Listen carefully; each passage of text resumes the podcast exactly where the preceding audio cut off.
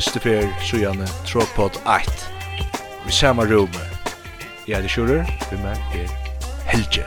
En mann som ofta hever tråka seg fram i håndboll. Og jeg er just et tråka lats tvei Eit og gusser jo, da skal vi omgang ta som matrens Sure, det är deilt att sitta samman efter det. Det är som du säger, först för sjön, så jag vi gjorde första, första podden.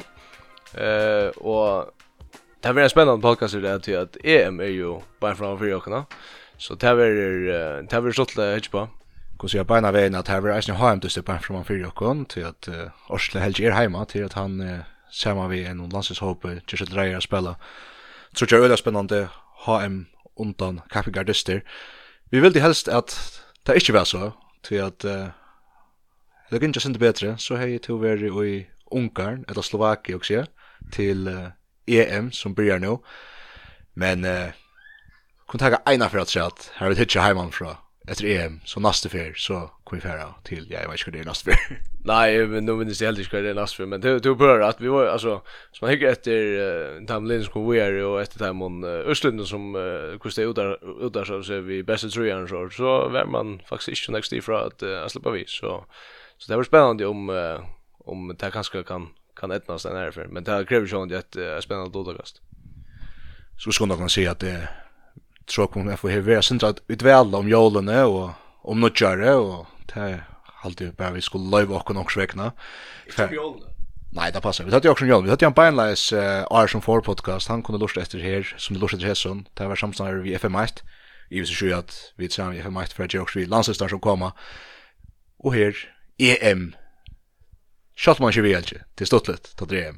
Ja, januari man är alltid alltid en stolt man för jag att tror jag det antingen är det EM eller HM i i manshandboll till och vi fick då ett också spännande HM i kvinnohandboll nu i december och det är ju vara några aktiviteter att att hugga efter och det var något dyster så så vi vi glädjer oss till en en månad vi några dyster. Eh hvis vi lukkar taka fætur i nær og kvær og kusse så så verður spalt hest fyrir i Ungarn og Slovakia eh tei vunn Lotagas i alt vi alt fikk 32 akkur 4 kanskje 16 mot eller vad det var.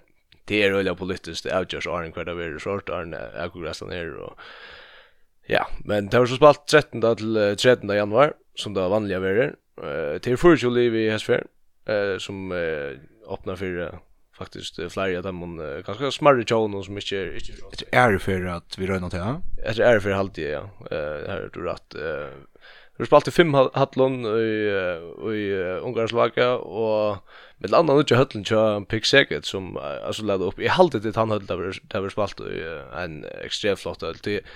Da jeg leser Gjærastaden, så stendte en av de gamle høtlen til å spalte, men jeg halte faktisk der for å spille nutja. Ja, det er. Ja, ja, jeg hukte jag hukte efter Champions League som så derfra, og det er en extrem stämning där går skaparen. Pick Shake alltså ett större i Europa, tvei størfelle er i Ungarn, Vestprem og Seket og Beiline. Ganska säkert ganska vi i Vrala center eller gat i Färska vi skulle stå så där kunde Champions League akkurat nu. Nej, ganska lite sen men men inte tror jag att Vestprem och Vestprem ska vi och öppnar skallen så där så så det har är det här lagt upp till ett en ordentlig uppgör då då till in i mötas i i deltarna. Vi sitter här Lucas som gjorde ta hemma kör man pappa. Vi där inte fin fin jag där sent i mera eh friade omstyr. Jag vet inte hur etna så vet inte hur vi har allt runt om och. Nick Butts som spelar. Det är ni hon alldeles. Jag hoppas det här rycker till pott. Ja, det man ska ha såna berggrundsljud. Det här är minst kan man kalla det det journalistiska mal någon men men det är det är allt nog stått lite horror som gäng och så det är det är spännande jag men vi vi för röna vet om vi får få tidsnyckeln i jukten en eller jökngångt av tog en som stendt för framman och kanske vi tar omkran uh, avvis till uh, ja kanske huvudsomfärg och och enda omfärg uh, vi vi uh, kapitch. Nu är Sean det annars att göra vi at ta vi landstester så kanske okra Potter som han er är gott när man att han er kanskje sinter. Vi måste ta det som en kjemer også, Men EM skal vi börja vi för jag kan bara kan Slovenia, Danmark, Nord-Makedonia og Montenegro. At det ser nok så saftet ut ellers. Det er altså så at uh, etter innleggende omfære, her er det åtta bøtker aldri, og tveili færa så vujere til det som man ångte kallar middelen runde, middelen omfær, etla høvesomfær som det er på det, her da sujan er og fyra li som kommer vujare, altså tvei li ur kvarjon høvesomfærar bøltje kommer vujere i halvfinalen her. Och så kör den också lyga fram här till den. Ja, och så är det böcker A, B och C för ett år som för och och och så det ja, det är för alltså i ett annat och så så vill vara uh, tar till sist ja, förra uh, från den härifrån. Ja, og vi får se om det her. Det var nok så vel delt opp at något nere i kursen bøltje, så vi kan se det sindre ega folk så hei, och annars favorittene er hos. Ja. Ja, og kanskje er det så at uh, at ett Norrland er nok så klar favoritter, og han er nemlig Bøltja, og Danmark er skurder, og at han fleste er nok så store favoritter, for særlig vi, vi altså, da man også om skiene, som kanskje hinner, hinner London i hava kløtene, og ja, vi får ta oss sjøen, mer om skier, så har sett men hvis vi tar Danmark på en av vi, så, så er det her nok så vel Där der hava, där här var Lasse Müller, Anders Zachariasen som är ute vid Skia som är lika som alltid ute vid Skia. Lasse Müller själv. Ja, och faktiskt Anders Zachariasen öppna sluta crossbandet och så fick han lite att falla allt i att ja. Och så är det corona som gjorde sig danska hopp och det läser det att det tar alla blev blev fick negativ negativ test för så så tar lite kryssa fingrar för att att det inte var att det inte var flyr men det så upp för övermödan till döms en Emil Nilsson som nekva var helt skulle være lansen uh, ar nu men men uh, han er så ikke vi uh, til enda spillen og gjør det fantastisk nu i Fragland og i Nans og Det läser upp. Jeg også, han var vi senast til Ål et loksjør til skiftet tror jag ganske det det har Janne Gren som sitter i det han som som kom inn i hitan natten nu. ganske færre skriver det. Det har gått så han var vi i ja, jeg minns det var eh vi och också han vet tre man men liksom att han för Kevin Miller och jag lägger mig att han har spännande att ta ta haft trutjar young kan om all men nu i en en man sålt och så kom his ner som sin under typ just nu men han kan ordentligt läsa mal. Eh Janne Gretan som vi känner från Magdeburg med landa han var öl erkänd att ta Elias Schibek och Josef jag spalt i mot Magdeburg här fyra det har tagit så necko med tråk på någon en dyster som vi vanligt för att å gjøre alt om, ta før jeg skulle spille landsdyster, lukket mye. Eh ja, Danmark, där tycker jag som en bättre man där nu än sen så där vunnit hem. Ja, och där har där har alla vi och Lauke vi att det. Akkurat där till alltså tar klass utan han och utan jag vet inte halt och allt här till nu där uppåt stärskar nu. Och mot till Tesla som har vunnit 2 HM och silvervinnare i år Och det är yngre kreftene som, som skulle tagga vi kanske att han har at Miklansen inte spelar så lukka nek som han, han ganska pleier han spelar för det mesta bara av så är det en som Lasse Andersson som för en ganska stor like the very necessarily som ger det öliga väl i Tyskland där eh Fuchs Berlin och och alltså Magnus Saustro som spelade i Oldborg han spelar Magdeburg nu och han är virkelig spännande spelare. Ja, extremt och alltså som är en öl område område lägger själv ju nu för Danmark till det här till här det ska ordla ordla rycka till dem då. Akkurat. Ehm um, Slovenien. Det är spännande ofta. Eh, hur ska der gjør? tar tar var var det EM senast tar blir nummer 3 4 och så nummer en minus 17 tar tar allt för väl eller går i det sen Ja, och Slove alltså tar kände för jag går playmaker ja.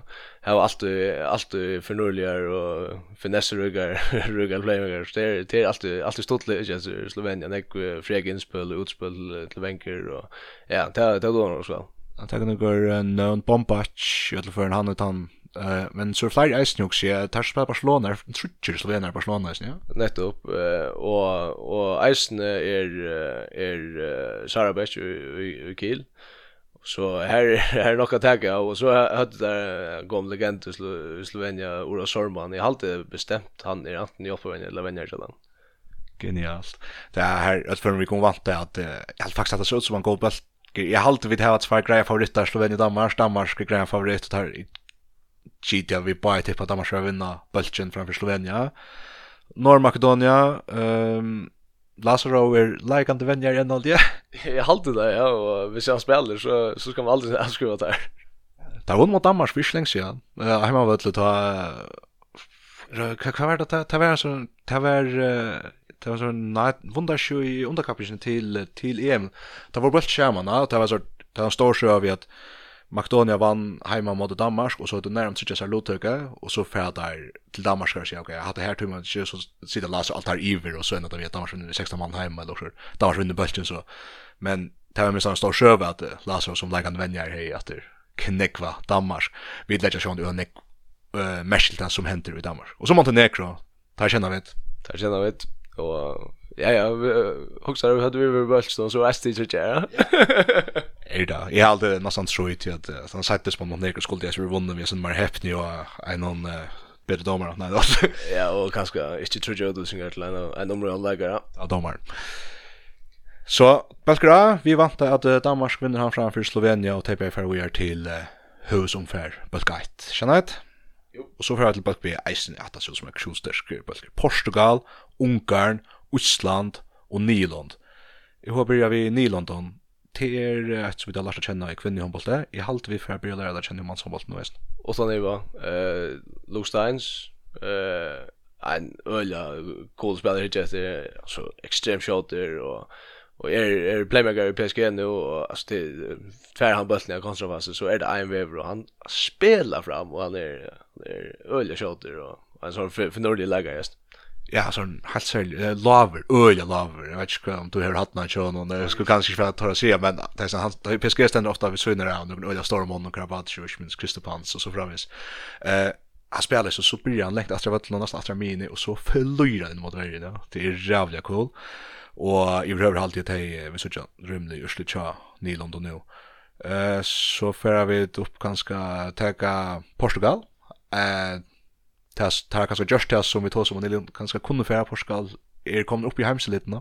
Ja, utan eva, alltså ölja ölja stärskar stärska läger som tagga tagga stin till det till det bästa fällen i, i Europa. Så det är det är alltid stått lite Portugal, par skal schema sex spel så där är det då ju och och här var goda strikspelare i halde bestämt han kör strykspelare Porsche i Ryssa är inte vi tyvärr men och Louis Frati är sen skattar alltid som spelar Barcelona. Jag är inte hundra procent säker på Idrissa men men men det är ju det ja, jag står mest jag hem och så vis Tarbar 20.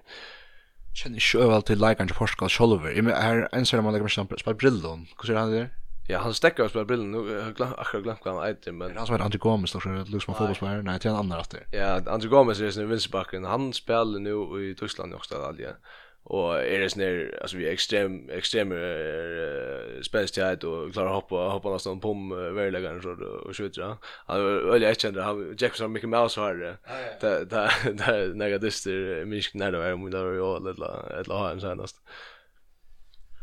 Så var det sånn en sorgleik i mån til till ett li som fire kvart fem sen sen var til det har varit HM allt. Ja, det har blitt nummer 6 eller så til till senaste EM kanske eh vi minns sindri hött någon här vi tar runt fyra kun till vad det nu, och ska då det da. Malveren som de så var helt fantastisk, Quintana, han døy.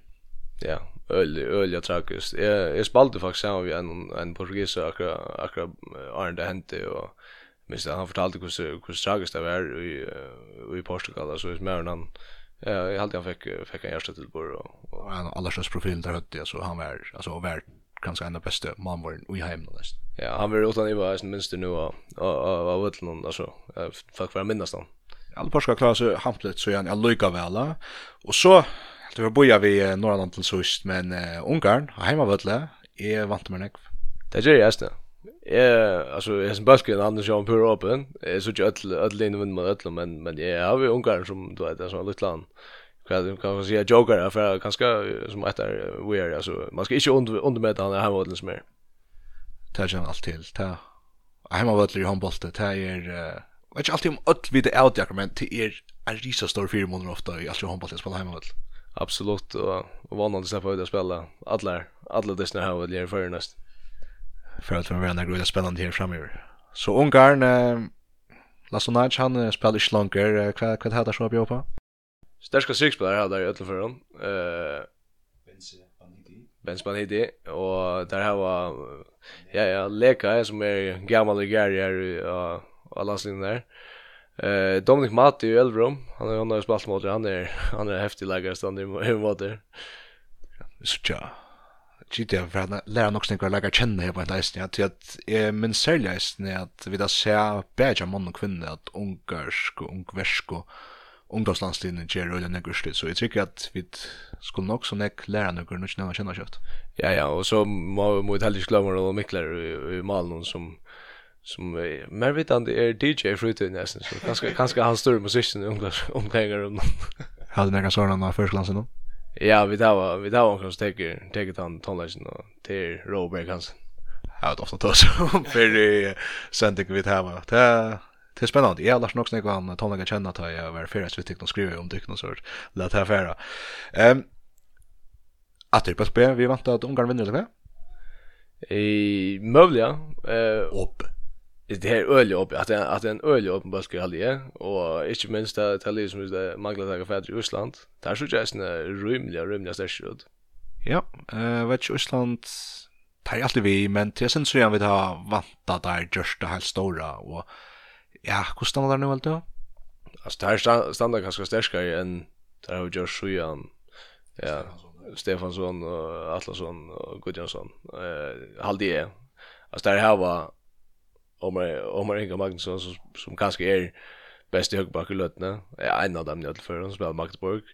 Eh Aron Palmersson, ligger lägger han är gott nog vinner skatter men han är han är öliga viktig visst visst jag kan väl. Alde Shuyan kanske ser sin äldre etter her Atali som fick silver i OL gav så man alltid sitter hukt etter Island okej Aron han kanske kanskje ikke vi hest for så man ikke vant så han vi så blir han skatt eller här här hänker så nek honom men visst som han finner man stol nu. Ja och det är väl det är alltid väl eller så så är han så är han tag generationsskifte ja. Så det är lugg som väl hans men skulle börja allt där och det är väl jag har så. Jag har så kaffe och spelar nek Ja akkurat då och och hinne läggarna har kanske inte akkurat varit att stund ta men tar tar börjar så komma nu och bänken är goer uh, alltså vi kommer att alla ta eh tror ju där chans topp 17 är och i Bundesligan eller för två chans är usändningar eh i Bundesliga fjärde var trutcher av topp alltså där nummer 1, tror jag 6 av toppskyttarna som Bundesliga inne tar spelar Ims plus alltså det här är näga här är extremt näga och där har var Men vi vet bara att en högra högra man god så går alltid Gudjon som spelar i Kelsey han fyller Karlstad nästa. Eh så har där Bjarke Marielsson av Vinstrovange som är ja helt helt otroligt goda. Eh där har ja eh där har vi ju några där har vi några skier. Alltså där har ja här en ölig område skier till till ja Höger Trasson heter då. Och Spagelsi, han är tyvärr skatt. Vi vi har nog hört ganska så så alltså så här starka så haft han bäst patchen och ju kapen.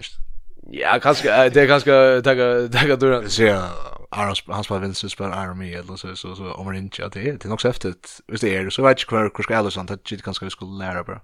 Ja, det hade jag och tar utlänningar på sig alla lägga och här är 6 som vi vi där får in upp här gjør det helt vist. Og malmennene er alltid eisen her, kommer flere talenter nå eisen, han kjører GOG, og en annan eisen som ikke ordentlig, men jeg vet jeg la mest til en annan uh, Østlending som skal lukke skjøtt. Ja, eh, nettopp, eh, og som det alltid er ved Østlending, det er ikke det man skal, man skal være for, eller ja, for eksempel tar man Østlending, men hadde tar haft lukka som toppmamen i hjemme så hadde det vært sånn, jeg vet ikke, enn der lukka som, altså, Østlending viser, Spjörgen på Gustafsson heter han. Han är liksom väldigt jävla länge. Han han spelar så väl döms ta all kapitän att få silver, men så är han helt riktigt minst han Östland ser vi med. Vi drar graf fram. Han är ju inte så landin och så där att han kan vinna vinna alla testerna själv. Han vinner några tester, men kanske inte alla. Nej, det är akkurat det. Och du du du du leder nämligen efter sån där toppmannen som är så spelar stabilt att du är en hund och ja. Och han eh, Björgen Paul är så öle högt toppnivå, men han alltså det som var där Inga John där var han han är i botten och som som inte var ja inte var nöktande till till att uh, vinna vinna tattelist mot mot Storm John. Alltså det ska ju nog klara att ta vi till EM, det har just några vetrar samhus och annars pratar ofta om så halda vi också ofta i Island inte sant? Jo, det är alltid stolt att söka söka ett ett land som vi kan samarbeta med vi alltså i folkatalet och kanske även mentalitet ja. Så det är alltid stolt att söka där Jeda går så man man har ett man har också störst hjärta hjärta för sändning till allt. Trycker då så vet att två spalt mot Rocknosten den med själva to då Ja, vi var ju en första kapping vid landsin i Ryssland i Spalti och det var det var ju stort lite och här var några några av de som eller här är det för nice som går åter. I know, Hamsens på cirkelback. Ja, så det inte jag. Han han spelade så att vi alltid var att trea trea lite där. Han var han är efter yngre vet då. Vi minns han spelade mycket då och han han är så underskott här med kunde välja kvar han lejbulten och ja ja, så spelade spelade ju väl. Att för now heimskjøtten og nå i Øslandi og Omar Inge Magnusson. Vi da prater om han i potten og fyrir, så fyrir jeg så lurt om til at det kun høre mer til. Hadde altså bølgur B vid må lykka tippa han alltid. Skal jeg si, jeg, jeg, jeg, jeg håper at, at, at Østland teker annan plass hos Rock som jeg at Ungarn teker sitt. Ja, har var vært hos nekka si, jeg trykker det fra lengt Ungarn. Ja, men man ska inte man ska inte vara bilsen om det inte är alltså Jön Jön Stia eller nästan öll in då där. Så det kan vara något spännande innan eller då innan smala stycken som som för över gallan ner och alltså det du du kan ställa sig avskriva Portugal och Holland och vinna mot Banas linje och så. Eller mot både Ungern och Island ja så jag vet inte. Så öliga spännande balkar här. Vi tar näka balkar efter. Vi måste komma dock mer. Balkar sker eh, Kroatia, Serbia, Frakland, Ukraina, eisne heftig navn. Ja, stor, uh, stor håndballsjøer, Eh, kanske Ukraina är är den, den minst av dem, men uh, alltså Kroatia, Serbia och Frakland, det, det är ju att det är jo semifinaler som man så, så för då. Jag också med till Nikla Karabatic, han har ikke anna föräldrar och Serbia heter Kroatia, så spelar han Frakland, det är spännande. Ja, jeg halte det var så där så det är ja, alltså det med den Kroatien Serbia har ju alltid varit krutja och ja, och nu Kroatien och Serbia kanske norska smakar kunde vi alla ska och Kroatien och vi kunde lucka kanske inte det men ja, långt här Kroatia till att Tyrier som vi har man alltid med Loretta när vart där sen skapar alltid vi har sagt att ös onkel onkel i mina syntish är skatter. Eh ha öniga playmaker till och vart som händer först och en av hans bästa playmaker till Tosion Balic så kommer här efter nekvar att ehm kvar skattar Ja, det är Lukas Stepanchus som har rökt uh, plus och högra backe. Ofta ta ta kopiar inte inte väljer. Han blir alltid spela gå ända spel. Det är jag vet inte vi tar så ända joke vi att vi har alltid ända spel är så är det alltid Lukas Stepanchus som spelar alltså han spelar så mega väl i i i backaspelen. Och det är alltid till kontrakten som går ut. Han ska finnas en fälla. Och så är det ja han är han är inte vi och det är Jean jag missar men där har där har är höger back men inte helt kvar kvar. Och så är det Pesce Jamal någon som är ständ några några landsister och några landsister väl. Eh och så är det Corona som gör om sig Dunjak, de har gått Dunjak och Lukas här har corona och som reglerna säger nu så tänkte jag ju första det är att jag bara vet. Så det är först corona så är det minimum första det är och det vill säga att noe som vi tror det er ikke bøkkaspill. Og så så det er tvær at han aller, aller beste mi bakton, altså spelskiparen ui verene, eh Lucas Sinders gjør Barcelona og Dona Godunjak gjør Kiel og Dona Godunjak MVP vi seinaste EM eh ja fyrir very spel. Og det er altså så Jan Baliska så hur det var Dunjak Dunjak Dunjak han har haft allt av sin hero og som skildes nu i Kroatien så fær så kvarfla rugg ut så så er han så skilt alt det till han er no go om bast. Ehm han förde Kroatien till en EF-final senast. Elsun Puras alltså 19 kon vi att ha alla arbete värd alla arbete i kontraspelen så att alla tar sin till och Karasic där liksom i Oskarmar så tog han sig arbete nya lopp nu det var helt fantastiskt det var faktiskt han och Sakosen som hade akkurat samma likelot av Christian Lee spelade en fantastisk semifinal där Kroatien var så utlik kvar att här akkurat klara Spanien eh Karasic han vände mig kanske att han som avlastade Donjak då han som kjører av på nå, til at han er utlikvaver, han er hastning av skier, så sier han han er klar i en neistøv til han vet at Sindri han plötsligt skatter, og ja. Er han en neistøv, va? I alt det. Han var skojar, han kan också bara vonkra sin som Karasic. Han spalt liksom alla ställen. Men han, han, jag minns han var faktiskt en av dem han helt god till det EM. Men så Donjak så kanske till där alla mest argentistar så han tog över natt. Ja, och han var han var öle god i i vart där han spelade här alltså. Spalt kills alltså. Jo, han spelar kanske nu. Ja. Jo, jo. Så, men ja, Kroatia som, alltså jag visst, visst det var fullman här så hade vi sagt att här och Fräkland kanske var bäst i spelserna. Och är svant att Kroatia får längt. Men detta är en kämpe pledge. Och i skilja Serbia kanske är jag vi uppe ett röst. Alltså, ja. Ja, ja, jag jag kärna fast tenker vi Serbia det har vært jag synte borster ur hoan alltid. Ja, det har varit synte periferien, men alltså det är ju ju nekker hoppas bara Serbia just nu och og og det er jo altså du kan aldri avskriva ett land som har såna goda läkare själv på vi det känner det så väl så men alltså det tar tar skulle nog tar skulle nog ja ja jag tycker därför ska ska sti samma spörsmål eh och tar tar hava Chego i Mala han är öligo i halde han är vi mer vidare än vi ja vi mangla ett att så att det var Ukraina att här känner vi att det har spalt några dystra mot med handen och så säga att vart att han dystren av vet klara Ukraina hemma völle och istället för att ha en så var det ganska förra som var jag spalt. Ja, det det var det som vi tog som Jan ja och Ja, ja, jag vet inte. Jag, jag, jag, kan... Torskar för Ukraina några? Nej, jag har inte spelat. Vi hoppar där tappa. Nej, jag vet inte. Hade vi träckt där en backaspel i omater så, så skulle vi nog vinna öll för heima av öll. Här har vi två förfärliga åsikter på ett mål. Eh så ja, tråk. Så ser jag inte här. Vi kanske finnas klippen fram, jag tar intro ena för det här vi har en idé om. Vi manglar lite här olympiska mästarna och expertaner som det var kallat här. Onkel vi en av expertgenerationen. Men han har haft covid. Nikola Karabatis körde comeback uh, ja, i var alltid efter en drickvanskia. La oj faktiskt till till HM senast körde han kompaka efter en drickvanskia och han han är också bjöen och så gott ut men han är akkurat corona i allt han nära vi. Ja, eh jag hade läst ju han fick corona 23 december så det ska akkurat passa vi han släpper alltså han släpper ut nu om ja. Ja, några några få det.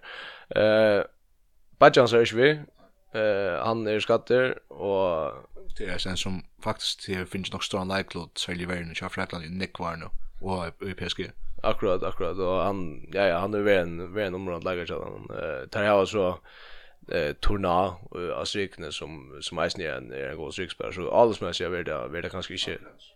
Ja, Fabregas Sean det vi han han är Sean det ändå eller kanske tant ja, heimsins beste sexbärare nu så. Ja, ja, mitt mitt där vi här är det några här är fem sex lägger. Ja, fan hit inne alltså. Och här vi kommer att långt näst. Ja, och Karlek och ja, you name it.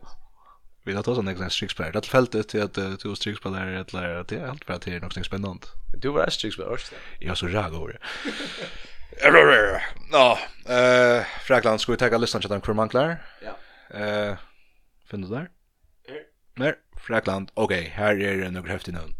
Remeli, Engesan, Logo Karabati, som nevnte, og Prandi, og så er det Ja, og min, er med min, og det skatt, og nahi, altså, det skatt nahi er vinstvengne som, er, ja, ja, bare ganske skor på alle chansen, ja, og der er så ut vi, ut vi koronaband, ja.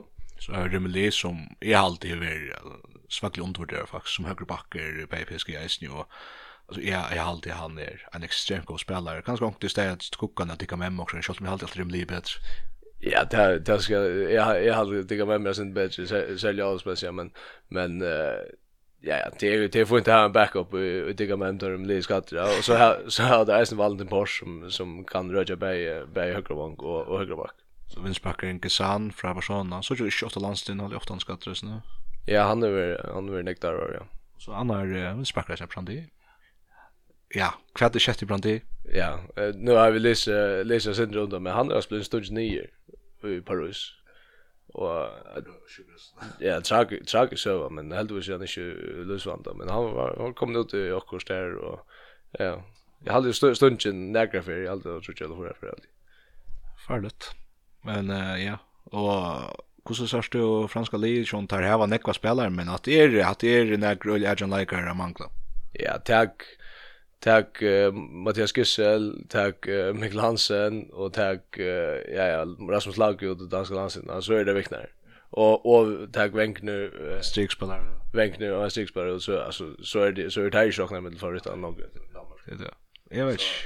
Jag så det ju eller i sjön Frankland där där kan sjön vinna där har ju en extrem rutin men men uh, jag så det är inte med förut än. Nej. Är måste jag.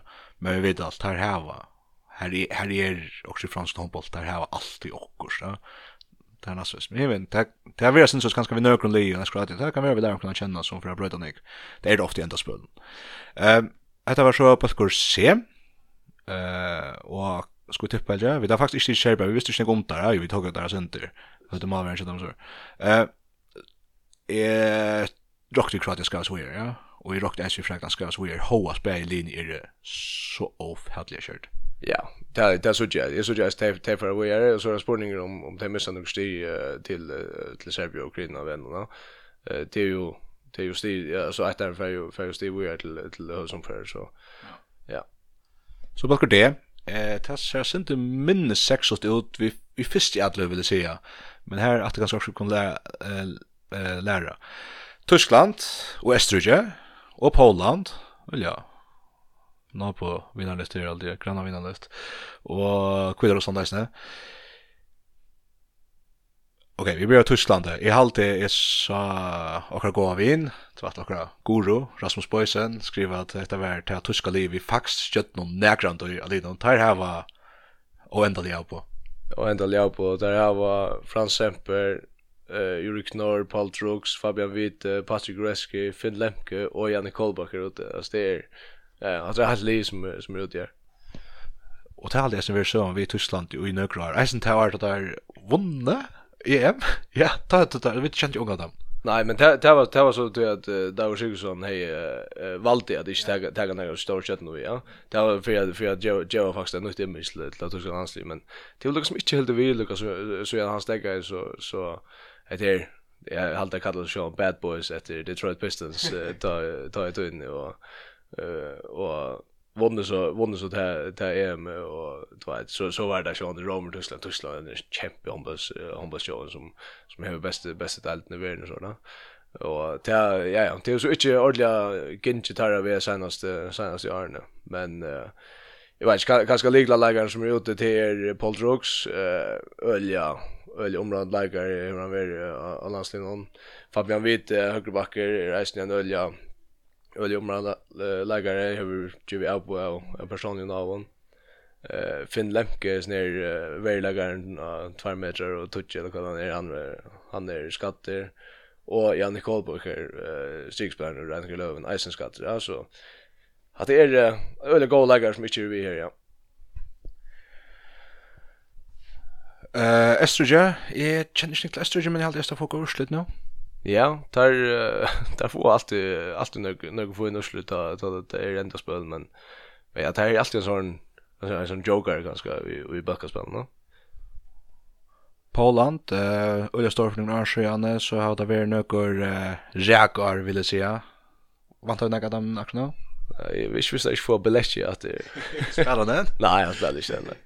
Men där har var där har jag sjön det sjön där läser lägger ur Kelse som som gör det väl och Og ja, sent for där at Thomas Grubala som er vänsterbacken til till Chelsea han er han skal til sånn kjempe kjempe vänsterback.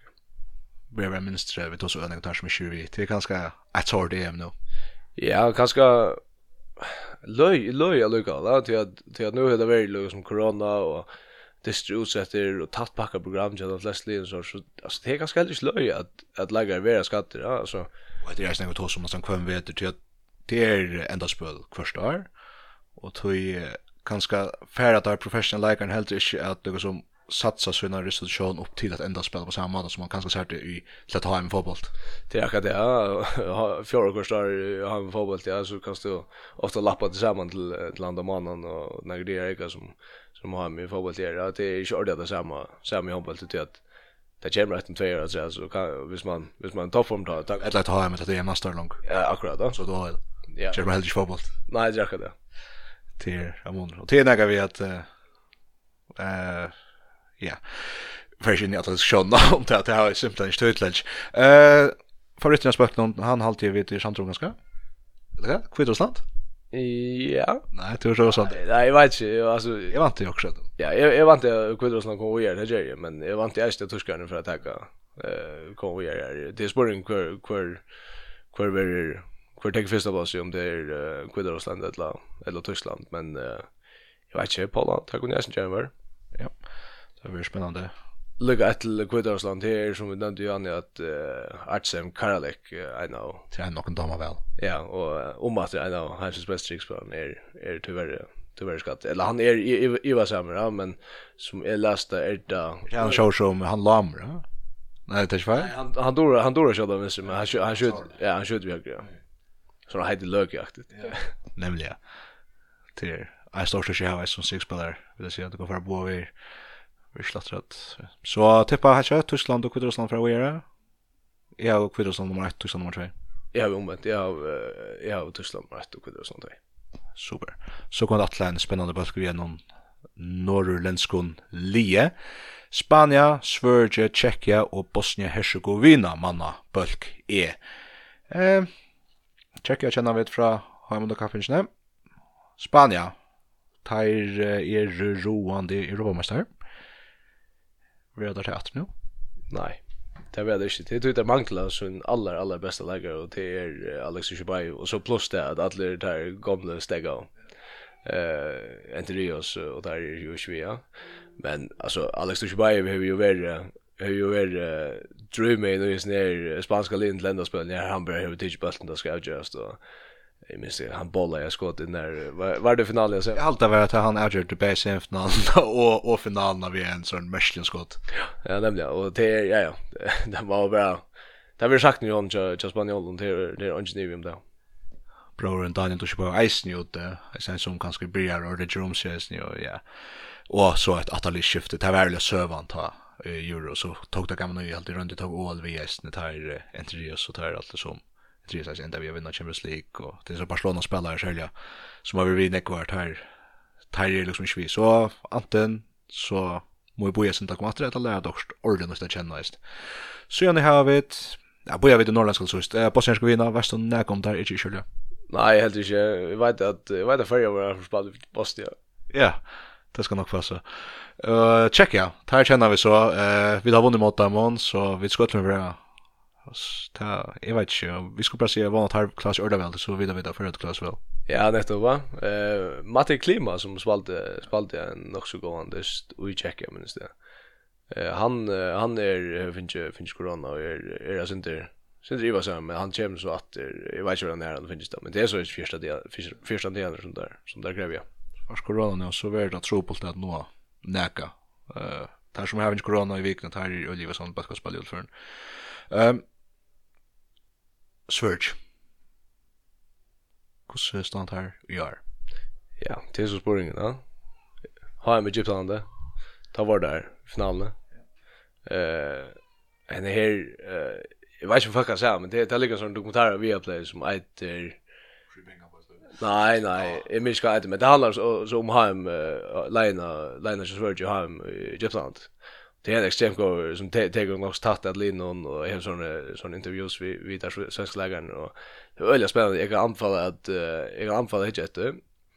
Eh tui at det har vist det har nok snakka stuttlig server vi æstin så løms at Vinster Vankrin Lucas Pellas han han og han på Svann dannar jo det er Vankberg ja og Bayer är ju extremt goda och tar det lugnt som spiller den helt med helt og så lugnt spelar så för jeg vet at han skal bli in nästa det jeg vil høtla, så jag glömt ska gå där efter hotell och så og så får han landa eller eller ska gå jag ska gå från domare som heldigvis er som stedsmann.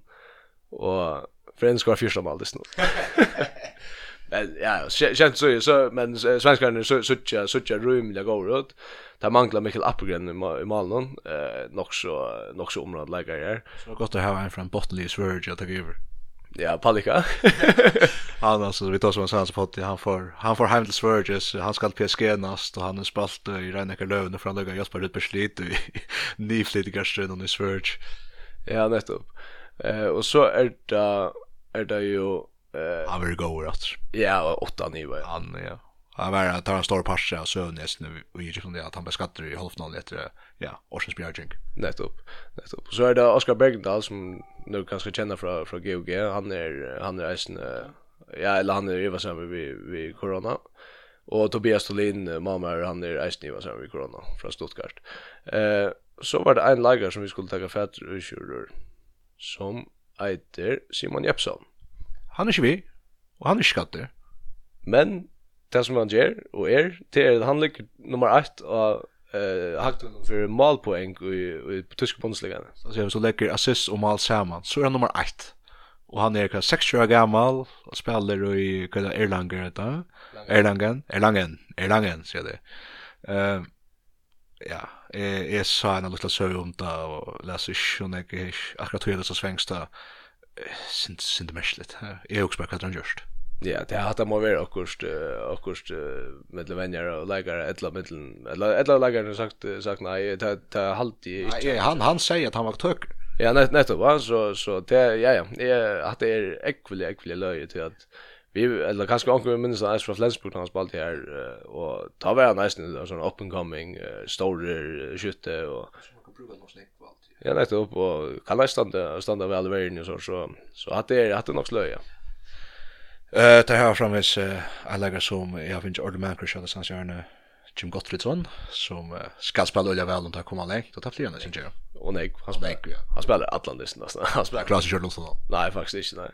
Men uh, där har så där har så nutjar uh, alltså unga lägare som uh, som kommer vi till er uh, till er till dömes uh, Karlsbogård som är en en nog så nog så spännande spännande vinstbacker.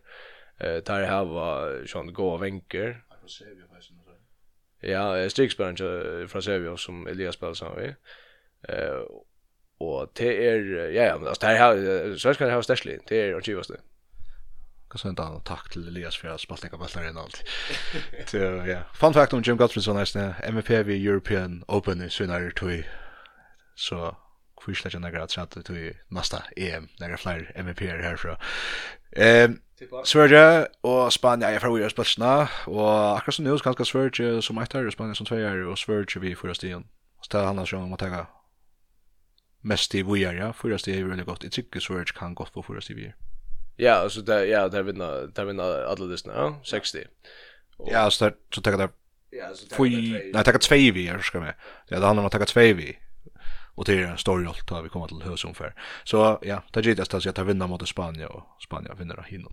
Vi kan ganska tagga det lucka. Du tar det till stenen vi vi vi hösumfär som som du vinner mot till Linköping vi. Alltså vi ser vi det snälla jag med Spanien så är det tabellen för vi så var berg att det var ja. Så det är så är det hon samman så kommer vi ett annat backaspel och så spelar mot hin och allt det här. Hatta var så balkor E och Harry Otta. Jag ska lucka nämna ett sätt att det är att det är att Lucas Santel som som spelar i Oldborg. Han kommer inte vis med vidare till han jag aktiv en pappa alltid. Okej, kommer inte vi satt så. Eh, jag vet inte. Jag sa jag sa jag tar ju själv men det det var SMS till han är det som alltså börjar komma ut upp i hemsliten och vi samma vi hinner lägga en så spelar som i Oldborg. Alltså helt fantastiskt Champions League-spel i i var. Ja, ja, och spelade spelade en extrem kondis mot Kiel och ja, ja, det, han han är väl öle var ja. Så där är ja, den svenska målmannen här ja, Eh Hydra Agrefors og där var han og Palika GT som fra, har med spalt. Ja, jag skulle säga hoppen til jag svinn men men så han också så. Det det det vanlige som er vi ja. Så her har vi bäst en pass gäster. Och det är et liv som fyrir eisen spalt mot ett två liv som fyrir spalt i måte för just den år sedan två år. 20 januar 20 nere i Luxemburg. Det var Slovakia og Litava. Slovakia, Slovakia, kallar her Simonsen det at jeg hans utom tar spalt så sent, da tar jeg vunnet at vi einon imot fyrjon, et minster vi da sier alt jo håndbollet som vi nå vunnet jeg finner koppa. Uh, tar er uh, heimavøtlig, altså tar, tar er verste fyrkappingen sammen med Ungarn. Jeg skal si akkurat mer, jeg helt at det var ikke godt li som fyrir i måte da, hur ser det nu? Ja, der får jeg jo en avkjøpsbillett till det är det är verst, ja, og ja, jag råkner bare vidt der, der her samme li, der er jo ikke, eller det er ikke oppløs några jeg skal, ska jag köra om och ja, jag vet inte. Jag så synes ikke at jeg får nægge styr bara spørsmålene. Jeg synes det er, om folk minnes det at han tidlig tappet ved Kjøymalen, när i måte Danmark, som var en succé till att Samsung tappade Belgien vid 8 och allt det där så var man ikke mellom 4 eller 5 nyeste. Ta var det eist til problemet var at jeg helt ta så vidt at han offrer litt om man fire. Problemet var at Slovakia tar lov under og tar finger gratis billett til disse kappingsene. Og tog måtte dit i holde Belgia eisene. Og ja, så sier at følger har egentlig, altså, vi tror ikke det er ikke godt li. Uh, Er det av meg? Nei. Nei, nei, det er det ikke, og her er sikkert, altså, Ja, jag har sikkert fler vi också som som halta att uh, kanske för att kunna just en bedjens alltså det ska ske med alltså det är alltså vi har bättre domar nu alltså en mer som är svärre rekord för att slå kan hött i vad ska ske där. Alltså ja det okej det är det strär helt ju för finals rekord så är det till att ta tag an att jag får det värre nätter hade fram i chansen att vinna men det var ju typiskt. Och jag såg ett intervju med Jerry Rogue Ackerley att han att att för en rekord så är vet inte hans nick så är style ice hade. Ja, det det så det. Han var så dum. Ja, han han skulle nej, jag hade hade var löjligt jag mig. Okej, är style ice så just. Så jag en att fight in och så för han alltså för han hade ju så det jag måste säga så ute det snart hänt vi Jonas tror jag för in med den. Lika mycket. Lite av mötet där så ta fingret som har örn i maskinen, hur är det här? Ja, där har vi ju Malesinskas som är som är där stora lagare och jag vet inte om man snär Trogo bloggar blogg vad det Jonas Trokanovicius med landa jag minns väl väl alltid att han är vid korsen så han spalt han vann Champions League vi Montpellier runt här och Ari Arjen, så tror minst minns vi han också väl och ja vi vinner så väl från mot förrjuna som jag sen går just då. Ja, nettopp. Uh, ja, jeg synes at her, her vinner mot, vinner mot Slovakia og kunne sikkert spille en dette mot Russland. Ja. Så jeg vil prøve mot Russland. Det er Russland tar ha, tar timen har vi spalt mot det.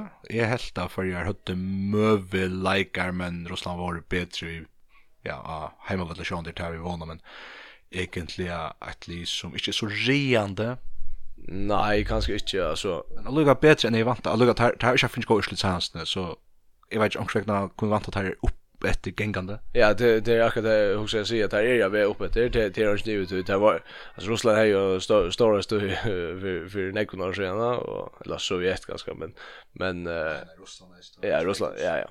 Det var jag som går ja ja. Och nu går vi att man där då. Ja. Men ja, det, men där fick jag alltså det det står ju slut ja men men uh, kanske det var några år efter till att ja jag vet inte om alla ser dopingskandalen och så det är vi lägger sig så så Där ja, mer vidare så släpper det kallas ju Ryssland efter till att vi det färden i nytt år. Jag håller finke. Sandra Skrash heter det här i Lydden för Ryssland. Ja, jag vet inte där. Kanske skulle kallas det hom ryska hompa samma det efter. Och så är det det sanns norra landet. Och till er här to hör hemma eller Estheima. Jag vet inte hur ser man till norra.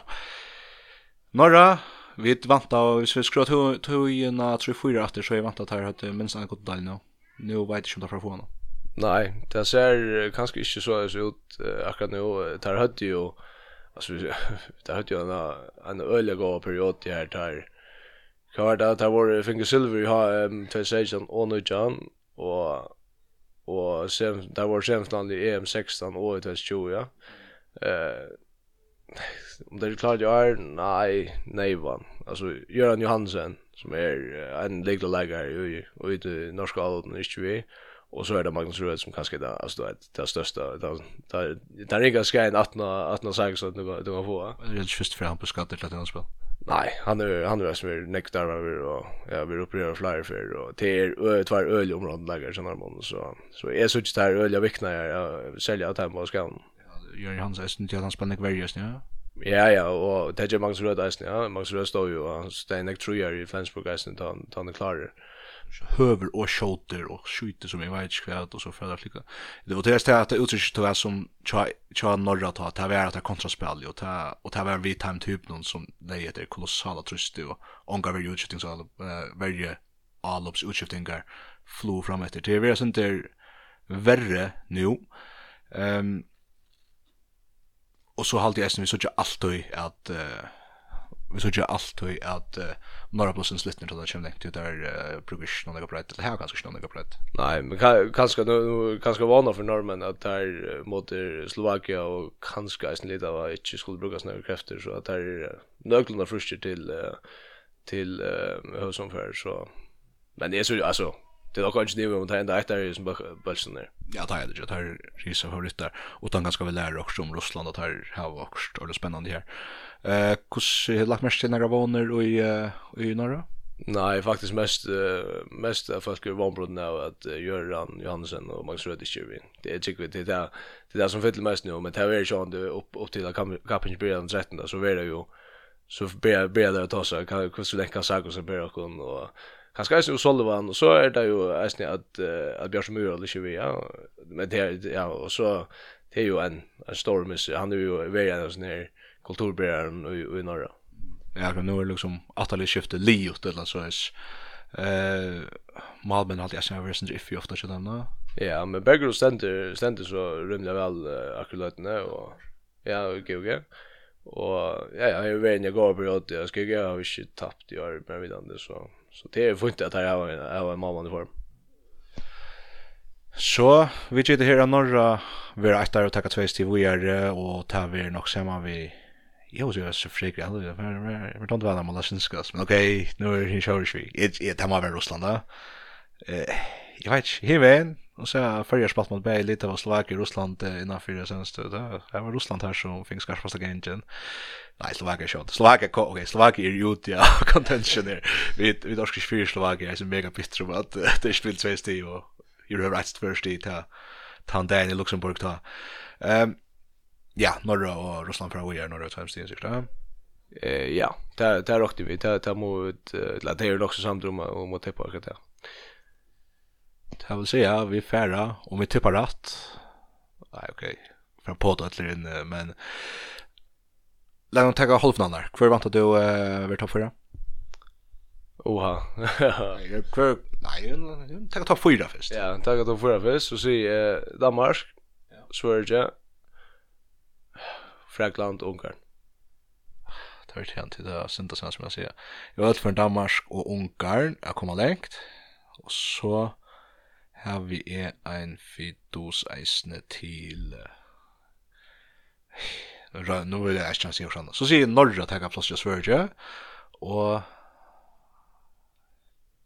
jeg kan ikke komme ut om Frakland allega til Kroatia men om Kroatia klasse hvor jeg er uppelkaspelen og få Sundrich og Dunjak atter så råkte SV at her kunne gjøre helt helt særligt så er råkte vi Kroatia færa i halvnalna, og det er råkning eisne vi at Danmarks færa, og så kan Frakland ikke komme videre til Belgian, og så igjen har vi et Norra, og så har vi et